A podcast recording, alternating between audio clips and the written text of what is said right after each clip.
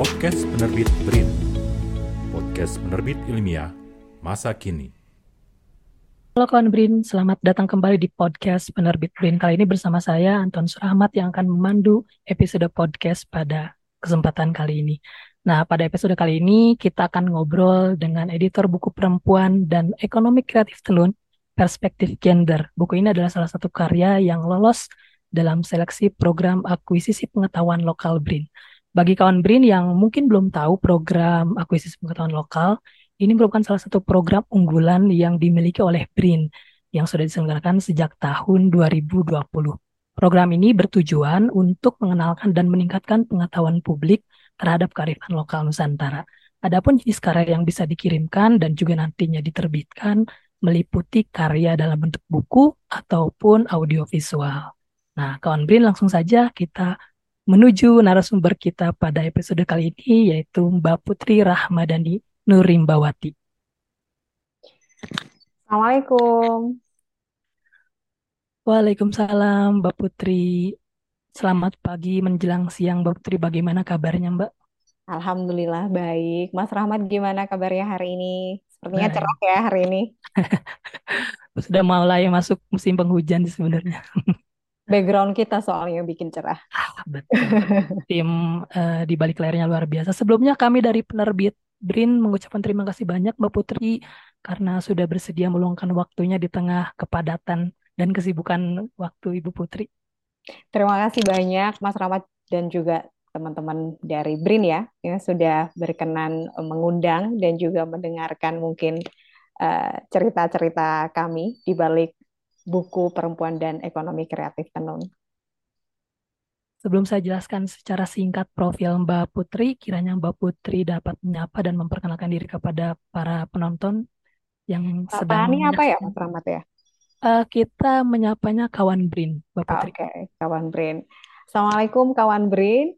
Nama saya Putri Rahmadani Nurimbawati. Eh, saya adalah editor dan juga penulis dari buku Perempuan dan Ekonomi Kreatif Tenun Perspektif Gender. Saat ini, selain sebagai seorang penulis, um, Research Fellow, peneliti, saya juga seorang jurnalis di salah satu media televisi di Indonesia. Gitu aja kali ya, Mas Rahmat. Mantap, sip, sip. Terima kasih banyak Mbak Putri untuk perkenalan singkatnya. Selanjutnya saya akan membacakan sekilas saja informasi tentang Mbak Putri. Oke, Mbak Putri memiliki nama lengkap Putri Rahmadani Nurimbawati. Beliau merupakan peneliti yang memiliki rencana dalam bidang komunikasi dan gender, hak asasi perempuan dan anak, komunikasi kesehatan, serta media baru di Indonesia dan Asia Tenggara. Bidang lain yang menjadi kualifikasinya adalah news anchor dan presenter televisi di sebuah stasiun televisi grup Jawa Pos. Selain itu, Mbak Putri juga seorang praktisi media dan komunikasi dengan latar belakang pendidikan doktoral yang berfokus pada New Media Studies, Media and Communication School of Shanghai Jiao Tong University, China. Ah, itu aja. Demikian profil singkat Mbak Putri yang inspirasi ya. Terima kasih sudah Ah, dikenalkan ya, Mas Rahmat. sama-sama Mbak Putri berarti kayaknya mahir nih bahasa Mandarinnya. Jangan ditanya lah ya. Nah, tanpa berlama-lama lagi, kawan Brin, yuk kita diskusi aja langsung dengan Mbak Putri mengenai sudut pandang editor dalam manajemen para penulis di buku perempuan dan ekonomi kreatif tenun perspektif gender. Pertanyaan pertama nih, Mbak Putri. Apa yang melatar belakangi penulisan buku perempuan dan ekonomi kreatif tenun perspektif gender ini? Adakah keresahan atau pesan yang ingin disampaikan oleh para penulis atau eh, editornya sendiri dalam ini Mbak Putri Mhm. dalam buku ini? Oke, Mas Rahmat. eh, tadi ketika Mas Rahmat membacakan pertanyaannya yang pertama, uh, kesannya tuh kayak wow, sedang ini serius banget gitu ya. Saya jadi agak Bisa deg-degan. dijawab santai aja. Santai aja ya. Ya, jadi eh, terima kasih ya Mas Rahmat pertanyaannya. Ini juga mungkin yang menjadi salah satu beberapa hal ya, beberapa hal yang kami pikirkan karena saya tidak sendiri ya, ada tim penulis, ada Mbak Ari, ada Kustula Sari, kemudian ada Mbak Nova, Nova Dona, kemudian ada Mbak Nia juga, yang beliau juga salah satu uh, penulis dan juga peneliti di BRIN begitu. Jadi ada banyak orang yang uh, terlibat di sini. Kemudian ketika uh, membicarakan tentang apa yang menjadi keresahan, terus mungkin juga sebenarnya apa sih yang melatar belakangi? Mungkin ada tiga hal ya, ada tiga hal di sini. Yang pertama dan juga ini menjadi kata kunci dalam buku ini. Yang pertama adalah tenun, karena memang uh, di sini yang menjadi uh, salah satu sorotan adalah uh, tentang tenun, khususnya di Nusa Tenggara Timur dan Nusa Tenggara Barat. Kemudian yang kedua adalah ekonomi kreatif tenun. Uh, ini ada kaitannya dengan UMKM dan juga uh, masyarakat ekonomi ASEAN. Kami ada menyinggung tentang hal tersebut dalam buku kami. Kemudian tentu saja tentang perempuan. Nah, tiga hal ini yang menjadi uh, latar belakang kami, boleh kami bilang seperti itu. Seperti yang diketahui ya, Mas Rahmat mungkin bukan saya dan juga Mas Rahmat saja, banyak orang di Indonesia paham itu bahwa memang sudah ada sejak zaman nenek moyang ya, sudah zaman dulu sekali tentang uh, kegiatan menenun. Benang yang dipintal, kemudian ditenun secara manual menjadi kain, dan uh, kemudian menjadi pakaian yang indah saat ini ya dengan modis dan desain yang uh, keren begitu, dan bukan hanya dikenakan oleh orang-orang zaman dulu, tetapi juga orang-orang di saat ini ya anak muda tua gitu tidak tidak mengenal usia mereka mengenakan pakaian tenun berbahan tenun gitu. Yang sebelumnya kegiatan ini adalah uh, kain tenun ini merupakan kebutuhan sandang keluarga atau kebutuhan kalau kami uh, menyampaikan adalah sociocultural masyarakat karena uh, kain tenun ini biasanya dikenakan di acara-acara adat dan juga membawa identitas etnis gitu ceritanya. Jadi sesuai dengan motif. Kalau Mas Rama tahu biasanya ada ya ciri khasnya kayak tenun. Ya kalau kami ada di tenun Lombok Timur gitu ya di NTB gitu, ke tenun Lombok. Kemudian ada banyak tenun juga gitu. Di banyak daerah ada khasnya sendiri dan juga cerita-cerita dengan motifnya gitu.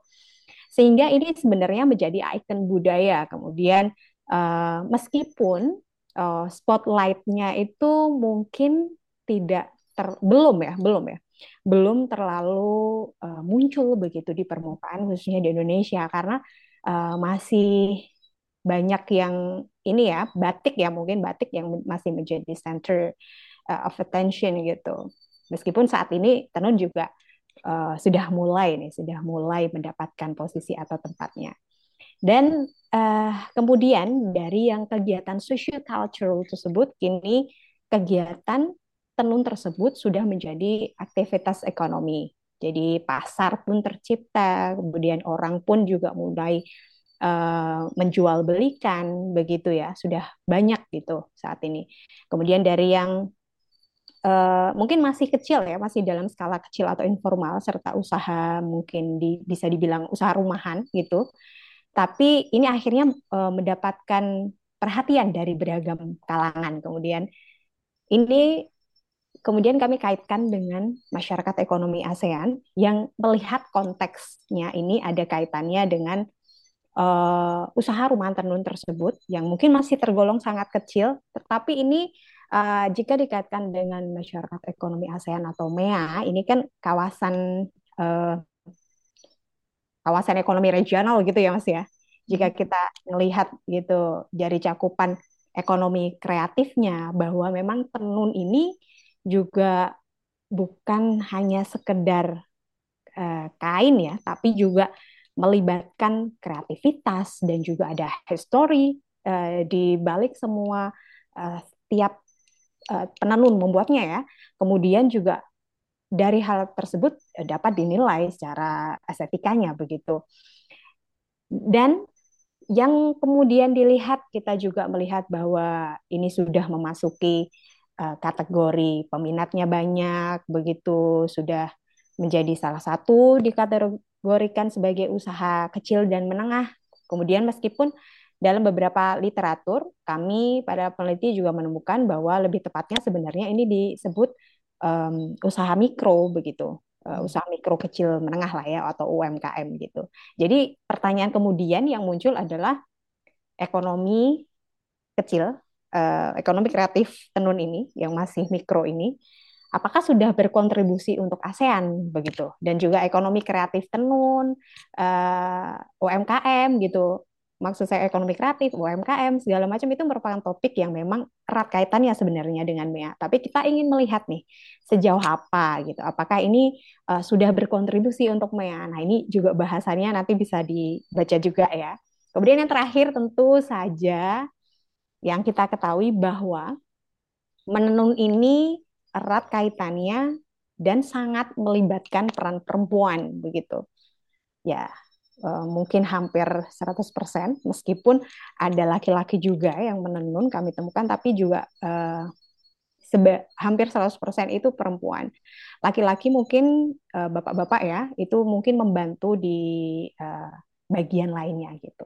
Tetapi hmm. histori di balik perempuan yang memiliki uh, fakta bahwa pekerja tenun ini mayoritas perempuan adalah khususnya di Nusa Tenggara Timur dan Nusa Tenggara Barat yang kami ketahui adalah ini merupakan uh, keterampilan sosial dan juga penanda kedewasaan gitu. Jadi kalau dilihat dari historinya, kami uh, mengetahui bahwa tradisi masyarakat di NTT dan juga NTB sebelum menikah nih, Mas Rahmat, seorang perempuan harus bisa menenun terlebih dahulu. Jadi kayak untuk apa ya istilahnya? memberikan memberikan tenun hasil karyanya kepada calon suami. Sehingga hal tersebut sebenarnya juga dianggap bisa meninggikan derajat calon suaminya begitu. Meskipun sebenarnya dalam masyarakat modern tradisi saat ini ya mungkin tampaknya berangsur pudar, tetapi memang sebagian masyarakat masih memegang teguh gitu. Jadi ketiga hal tersebut ya yang melatar belakangi keresahan kami gitu. Dan kami ingin melihat seperti apa eh, apakah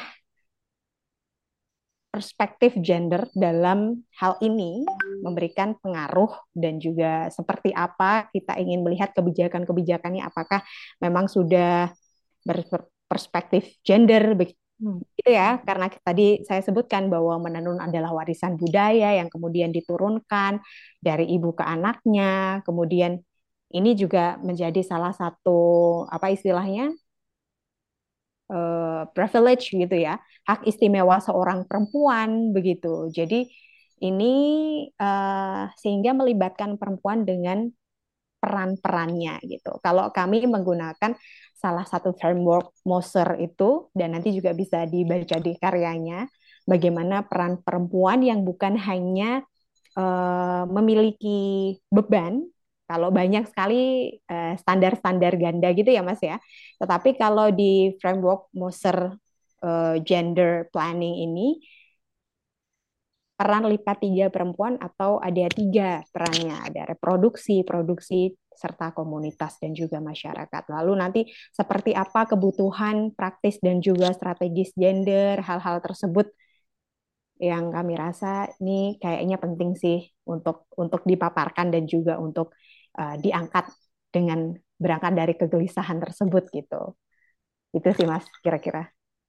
Uh, ya. ya. Kalau aku udah cerita tuh kayak suka wajar. Boleh dipotong loh ya Mas ya. Bagus Kak Bu. Memang memang seperti itu yang saya pikir kawan Bin juga ingin ingin uh, simak ya penjelasan yang runut dan berarti buku ini memang mengcover begitu lengkap aspek terkait tenun ini ya Bu ya, tidak hanya dari UMKM-nya, dari maksud saya aspek ekonominya, yes. tapi juga tadi Ibu singgung sosial kultural plus uh, terkait gender ah, itu sendiri. Kita, kita melihat dari perspektif gender hmm. itu yang benar-benar kita highlight ya, apakah kebijakannya ini sudah uh, ramah gender begitu ya? Yes, Karena yes. memang kalau ditanyakan pesan apa sih yang sebenarnya ingin disampaikan gitu uh, melalui penulisan atau penerbitan buku ini, sebenarnya kami ya sangat berharap ya Eh, bisa berkontribusi gitu dalam perumusan kebijakan ekonomi kreatif yang ramah gender begitu. Apakah memang dengan pekerjanya yang mayoritas perempuan gitu, apakah memang sudah ramah gender begitu? Dan kami juga senang sih, kak misalkan buku ini bisa jadi um, apa background study begitu ya untuk perumusan usulan strategi atau mungkin pengembangan ekonomi kreatif khususnya tenun ya. Uh, fashion fashion yang dibasis oleh kain tenun itu ya sangat senang sih. Berarti akan sampai dengan baik itu. Ya, ya. Setuju setuju. Harus bisa. Nah buku ini sendiri kan Mbak Putri bentuknya adalah bunga rampai atau edit book hmm. uh, atau edit volume. Nah Mbak Putri sebagai editor tentunya memiliki peran sentral dalam rangkai setiap bagian. Karena kan dalam buku buku bunga rampai itu setiap bagian bisa berdiri sendiri ya.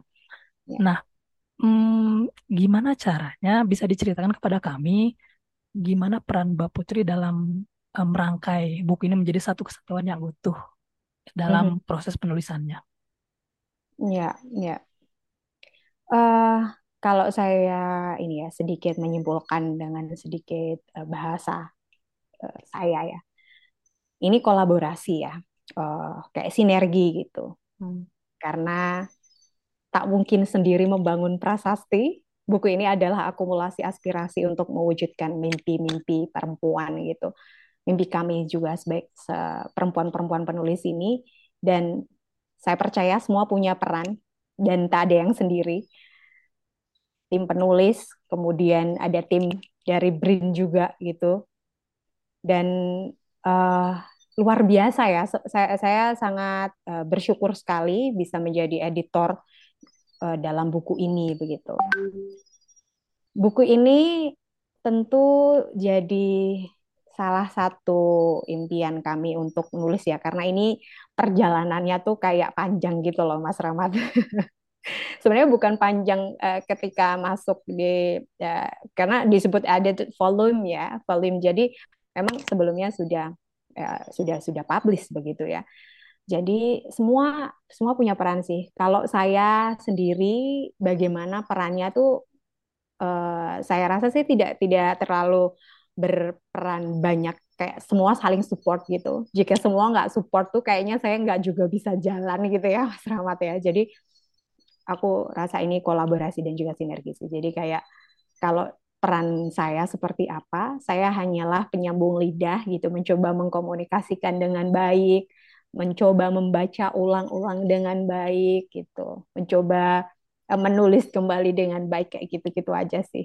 Tapi kalau dibilang itu ya sekeren itu loh teman-teman penulis di buku ini.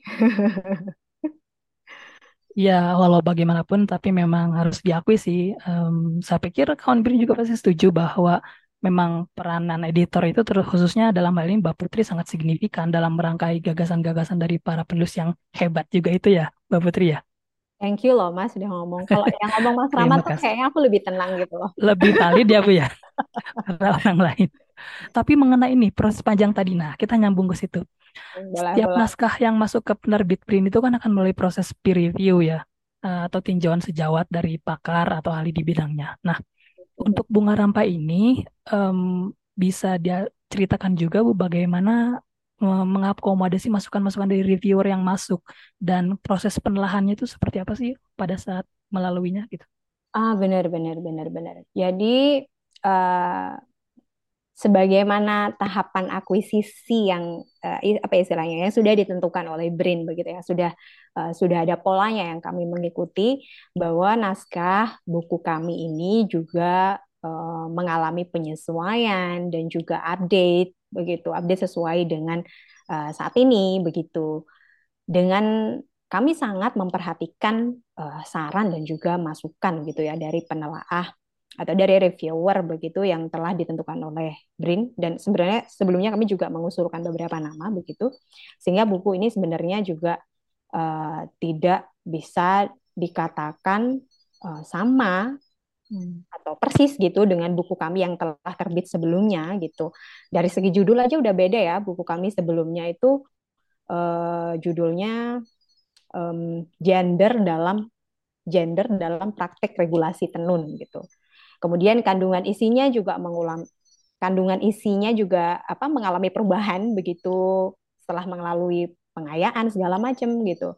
Dan Brin juga sangat membantu sekali ya dalam hari ini. Maksudnya reviewer gitu. Jadi masukan-masukan itu membuat kami yang akhirnya tersadar kembali untuk kembali lagi mengulas oh iya ya sebenarnya arah bukunya ini lebih ke mana begitu. Mungkin dan juga ada istilah-istilah yang uh, detail-detail istilah yang mungkin seharusnya oh oke okay, harusnya ini lebih firm. Kemudian masing-masing bab yang sebelumnya masih belum terkoneksi satu dengan yang lain gitu. Masih seperti berdiri sendiri-sendiri karena ini berangkat dari hasil penelitian ya kan Mas.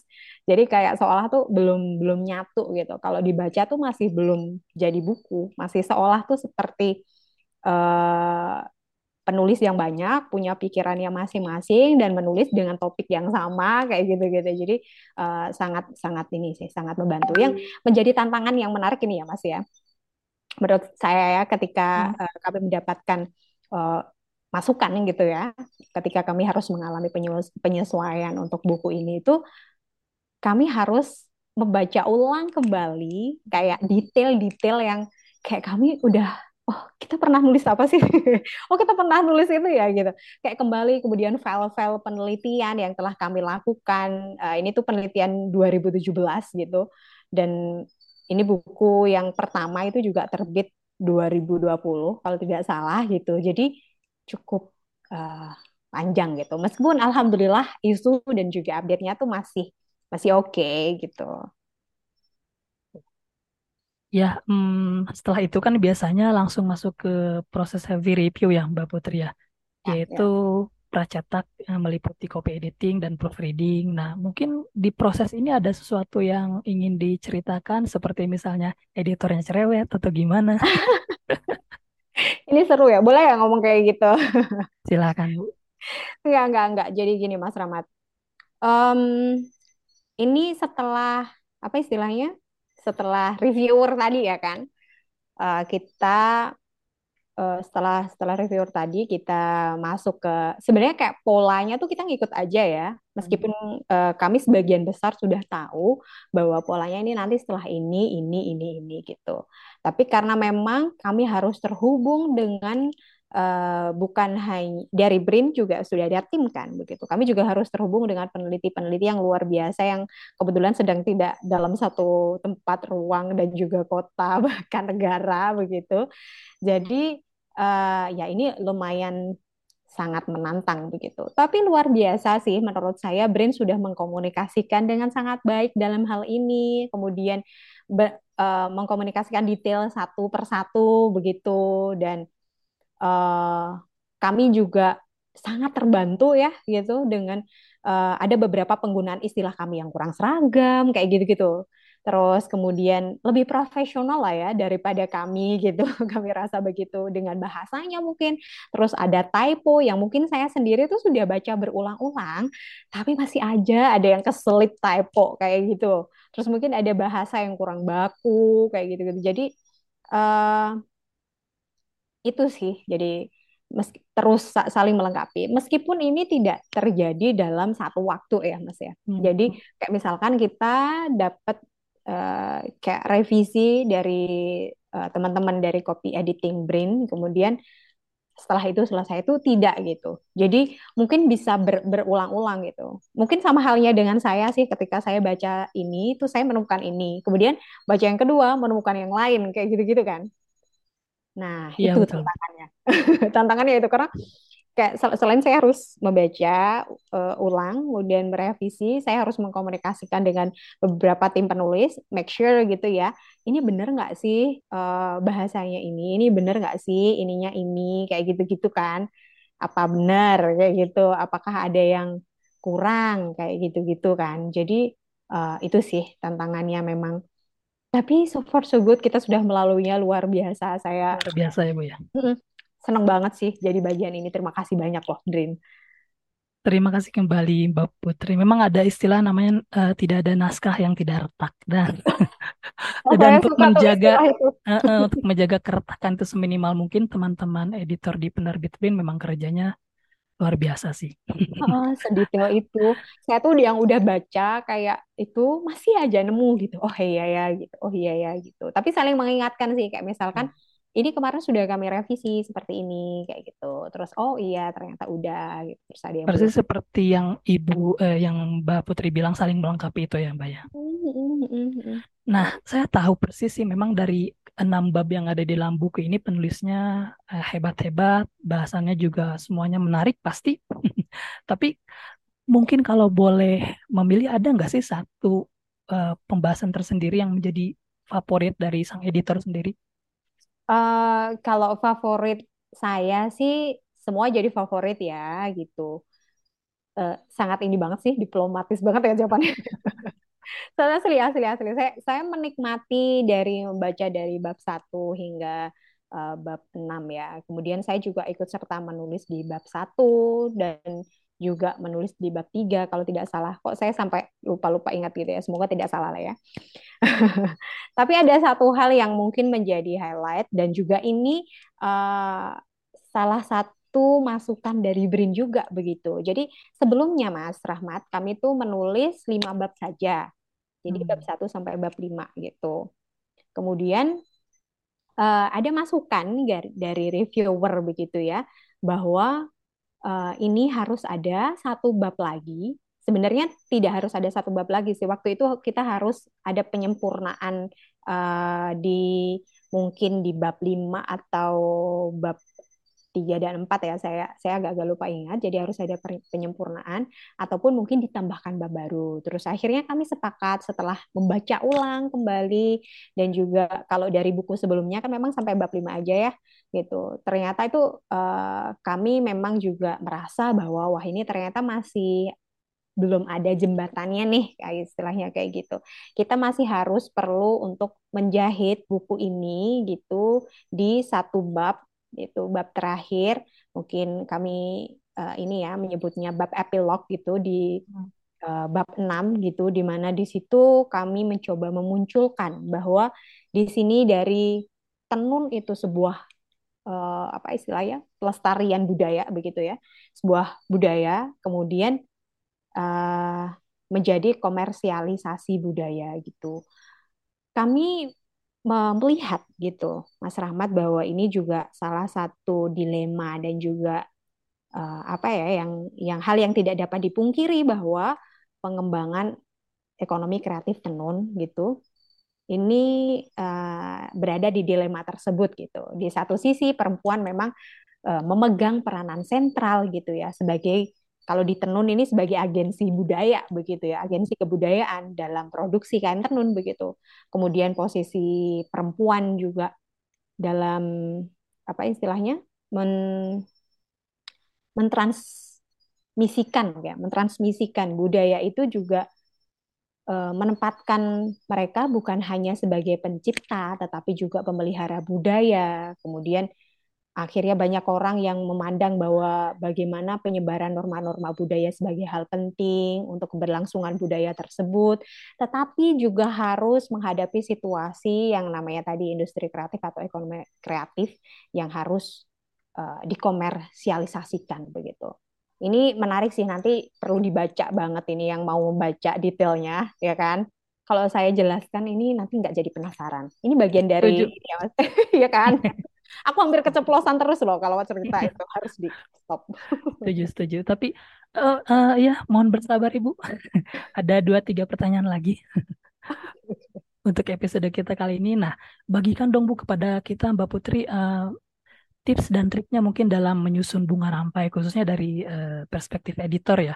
Misalnya gimana cara membagi waktu antar penulis yang saya yakin punya kesibukannya sendiri, Bu. Mungkin editornya juga pasti Ibu Mbak Putrinya juga sibuk dan cara berkomunikasi terus kolaborasinya itu gimana sih, Mbak Putri? Sebenarnya ini lebih sibuk Mas Rahmat deh kayaknya.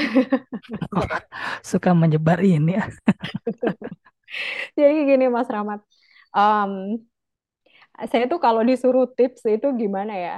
Uh, kayak berasa ahli banget gitu loh. Padahal enggak gitu loh, enggak lah gitu. Saya tiap melakukan apa pun itu ya, entah itu menulis, entah uh, melakukan sesuatu gitu. Biasanya kalau saya ada event atau ada kegiatan atau apa gitu. Yang pertama tentu dimulai dengan niat, ya nggak sih? Jadi benar-benar niat dalam hati ya Bismillah kita mau menyelesaikan buku ini, kemudian ada komitmen kalau memang sudah komitmen ya ya saya akan menyelesaikan meskipun saya sesibuk apa pun meskipun saya nanti harus tidak tidur atau apa dan itu kayak harus saya konsisten untuk saya terus lakukan gitu. Jadi uh, itu harus membersamai di semua kegiatan saya apa pun dan salah satunya ini ya salah satunya uh, dalam menyusun buku ini gitu. Dalam menyusun buku ini apalagi saya sebagai editor gitu. Kalau melihat khususnya dari perspektif editor saya rasa itu perlu sering-sering mas sering-seringnya apa mas Rahmat sering-seringnya itu sering membaca sering menulis kemudian uh, sering apa ya bersosialisasi atau komunikasi gitu. Jadi sering-sering aja. Kenapa membaca? Selain membaca dari uh, literasi di luar terkait topik buku yang buku yang sedang kita uh, ramu ini ya, itu juga sering membaca buku itu sendiri tentu kita akan semakin tahu ya mungkin mana celahnya, mana ini gitu. Apakah ini sudah konsisten atau belum begitu. Terus nanti disupport juga dengan sering menulis gitu. Jadi kadang uh, meskipun saya agak-agak malas gimana itu saya coba paksakan untuk sering-sering ini ya. Selain sering membaca, sering menulis. Dan yang terakhir yang seperti Mas bilang tadi ya, gimana komunikasi segala macam itu. Nah ini sering-sering lah berkomunikasi dan menyapa ya. Entah itu di online social media atau mungkin melalui apa pun. Jadi berkomunikasi dengan tim BRIN gitu ya, tim uh, editingnya atau tim apa pun sering berkomunikasi dan juga memberikan update dan kabar dan juga kepada tim penulis yang kebetulan memang kami semua ini luar biasa berada di beda negara semua gitu ceritanya. Jadi itu sih kira-kira mungkin yang menurut saya perlu uh, bukan perlu ya, bagi saya itu berhasil gitu. Bagi ber, bagi saya itu berhasil ini saya lakukan gitu dan semoga ini juga bisa dilakukan oleh teman-teman yang lain. Ya, tips dan trik yang harus dicatat itu. Terima kasih Mbak Putri. Dan balik lagi yang ke awal paling utama salah satunya komitmen ya berarti ya dari awal ya Mbak Putri. Banget banget. Kalau udah komitmen di awal itu ya mau nggak mau kamu mau ini kalau saya ya mau itu hujan badai apa segala macam ya Bismillah ya kita selesaikan gitu. Tapi baik sekali loh uh, dari tim Brain itu meskipun uh, kadang misalkan kalau kapan hari ketika ada viewer yang masih ditunda. Jadi kami sampai sampai menunggu mungkin beberapa bulan ya gitu. Kayak empat bulan hampir enam bulan gitu. Kemudian giliran kami yang agak molor karena kesibukan beberapa penulis yang kebetulan eh, rata-rata uh, sedang uh, kuliah itu di ada yang di Australia ada yang di USA gitu. Jadi ya itu luar biasa sekali Brin juga memahami. Jadi misalkan ada deadline tanggal 10 terus saya komunikasikan lagi gitu. Kira-kira bisa nambah 10 hari lagi nggak ya kayak gitu. Gantian itu Mbak Putri, saling ya, melengkapi itu. Saling melengkapi. Jadi itu dikomunikasikan aja. Makanya saya bilang sering-sering komunikasi. Yang penting itu nggak ngilang nggak sih Mas? Jangan PHP gitu loh. Udah komitmen ngilang itu kan wah bisa stres itu biar nggak stres Bu, mendingan kita ngobrolin sebelumnya aja ini sedikit. Gimana sih ceritanya oh, eh? si naskah ini bisa akhirnya nyangkut di penerbit Brin dan uh, mungkin sekali sekalian ya tanggapan Mbak Putri sendiri terkait program akuisisi pengetahuan lokal ini seperti apa? Oke okay, oke. Okay. Um, ya Mas Rahmat. Jadi sebelumnya yang saya ceritakan tadi bahwa buku ini adalah buku yang sudah pernah terbit sebelumnya. Jadi buku ini awalnya adalah uh, hasil penelitian uh, yang melibatkan ada tiga uh, tiga institusi begitu ya. Yang pertama adalah ASEAN Study Center Universitas Gajah Mada yang kebetulan mewakili akademisi atau waktu itu saya sebagai peneliti di sana ya. Kemudian ini berkolaborasi dengan um, BRIN dengan Badan Riset dan Inovasi Nasional yang diwakili oleh salah satu penelitinya, ini mewakili sebagai institusi pemerintah. Kemudian ada satu uh, asosiasi namanya ASPUK, Asosiasi Pendamping Perempuan Usaha Kecil Mikro, kalau nggak salah ya. Itu semoga tidak salah ya, usaha kecil ya usaha kecil mikro sebagai perwakilan industri. Jadi ini merupakan penelitian hibah riset triple helix uh, di tahun 2017 lalu. Jadi kayak melibatkan tiga kemitraan tadi ya, uh, akademisi, kemudian pemerintah, gitu, institusi pemerintah dan juga uh, industri, perwakilan industri begitu atau asosiasi tadi aspuk tadi. Dan buku ini kemudian uh, setelah pen, hasil penelitian kami mencoba untuk merangkai menjadi sebuah buku dan terbit di tahun 2020 dengan judul Gender dalam uh, Praktik Regulasi Tenun. Itu kami dibantu oleh uh, salah satu uh, penerbit ya yang di, ada di Yogyakarta, Litera Publishing. Semoga tidak salah ya, Litera Publishing begitu. Uh, dan ini sih semoga ya akhirnya kami berpikir untuk ini sudah terbit ya Mas gitu kan. Uh, sudah terbit, semoga juga bermanfaat gitu. Kami pikir selesai sampai di situ, tapi kemudian uh, salah satu penulis kami yang kebetulan adalah peneliti di BRIN itu memberikan informasi terkait akuisisi pengetahuan lokal BRIN dan kami rasa ini menjadi platform yang bagus begitu untuk mempublikasikan uh, karya kami uh, agar lebih luas dan juga bisa dibaca lebih banyak orang gitu ya. Meskipun kami juga harus uh, melewati seleksi, yang nggak sih Mas? Kemudian ada tahap-tahapan yang sudah ditentukan BRIN gitu. Dan alhamdulillah ya kami salah satu yang lolos gitu.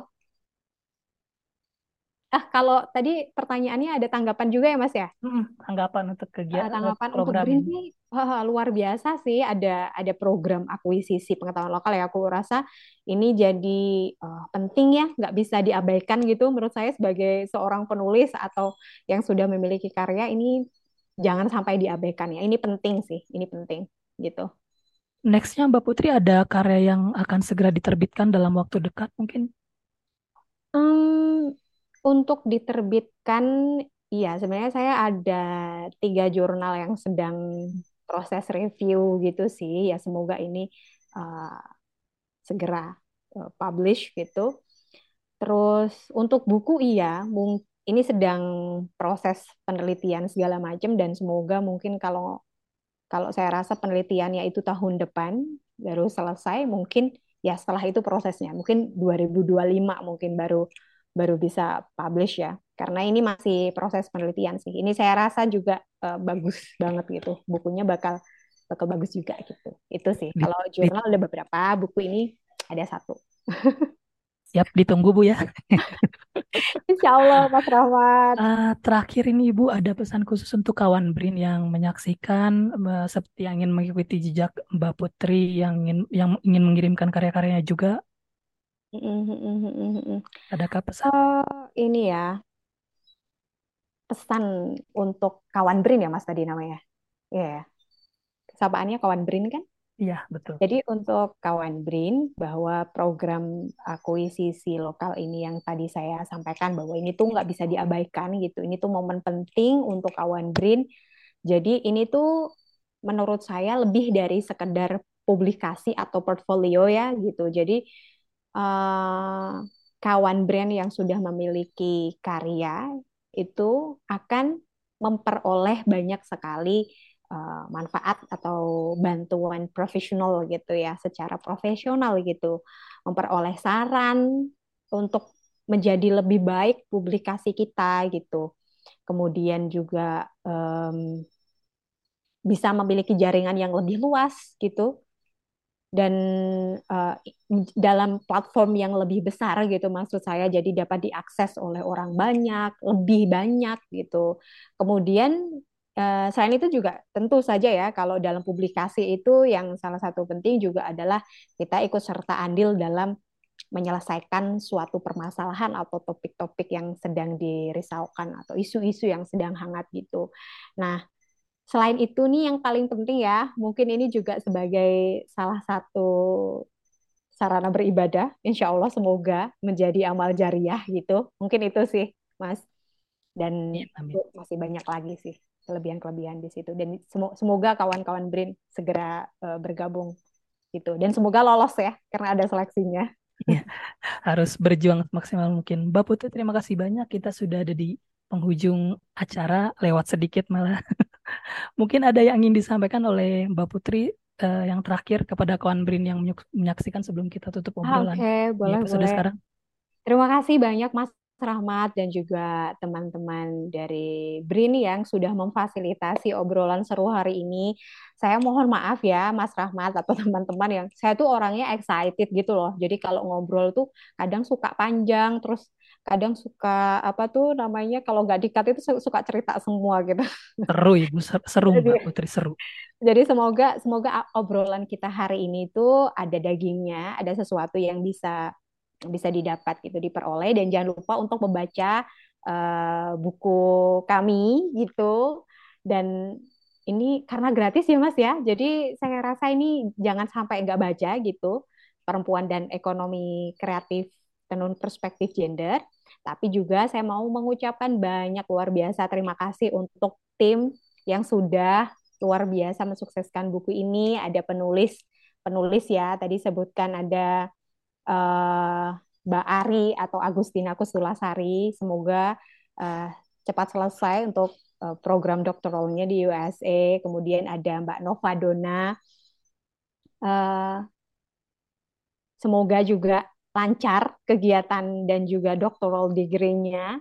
Kemudian ada Mbak Nia atau uh, nama lengkapnya Kurniawati Hastuti Dewi. Mbak Nia terima kasih banyak sudah memberikan banyak support dan juga banyak masukan untuk buku ini dan juga sudah menjadi tim dalam buku ini. Dan ada beberapa nama yang mungkin luar biasa sekali. Salah satunya Pak Dafri ya. Itu beliau adalah uh, direktur dari ASEAN Study Center. Kemudian ada beberapa teman-teman penulis lainnya yang sebelumnya juga tergabung di buku satu eh, buku pertama, buku edisi pertama, tetapi tidak tergabung di edisi kedua. Luar biasa, semuanya sudah sangat support. Terima kasih banyak Mbak Lucy yang sudah support uh, buku ini. Akhirnya ada buku edisi kedua begitu ya. Terima kasih Mas Rahmat, itu aja kayaknya. Terima kasih kembali. Bagi kawan Brin yang belum membaca buku Perempuan Ekonomi Kreatif Tenun Perspektif Gender bisa mengunduh dari website kami di penerbit.brin.go.id secara gratis. Nah, Mbak Putri, terima kasih sekali lagi. Terima kasih banyak sudah meluangkan waktunya berbincang-bincang, berbagi pengalaman, pengetahuan kepada kita semua. Terima kasih banyak, Mas. Sehat-sehat ya, Mas ya. Insya Allah ketemu lagi. Insya Allah, Mbak Putri juga. Oke, semoga podcast episode kali ini dapat memberikan uh, informasi yang bermanfaat bagi kawan Brin yang menyaksikan dan tambahan pula bagi kawan Brin yang ingin mengirimkan dan juga menerbitkan karyanya dalam bentuk buku maupun audio visual melalui program akuisisi pengetahuan lokal bisa banget mengirimkan karyanya melalui tautan di bawah ini. Sekian episode senior kita kali ini. Nantikan terus podcast penerbit Brin episode selanjutnya. Sampai jumpa. Podcast Penerbit BRIN. Podcast Penerbit Ilmiah Masa Kini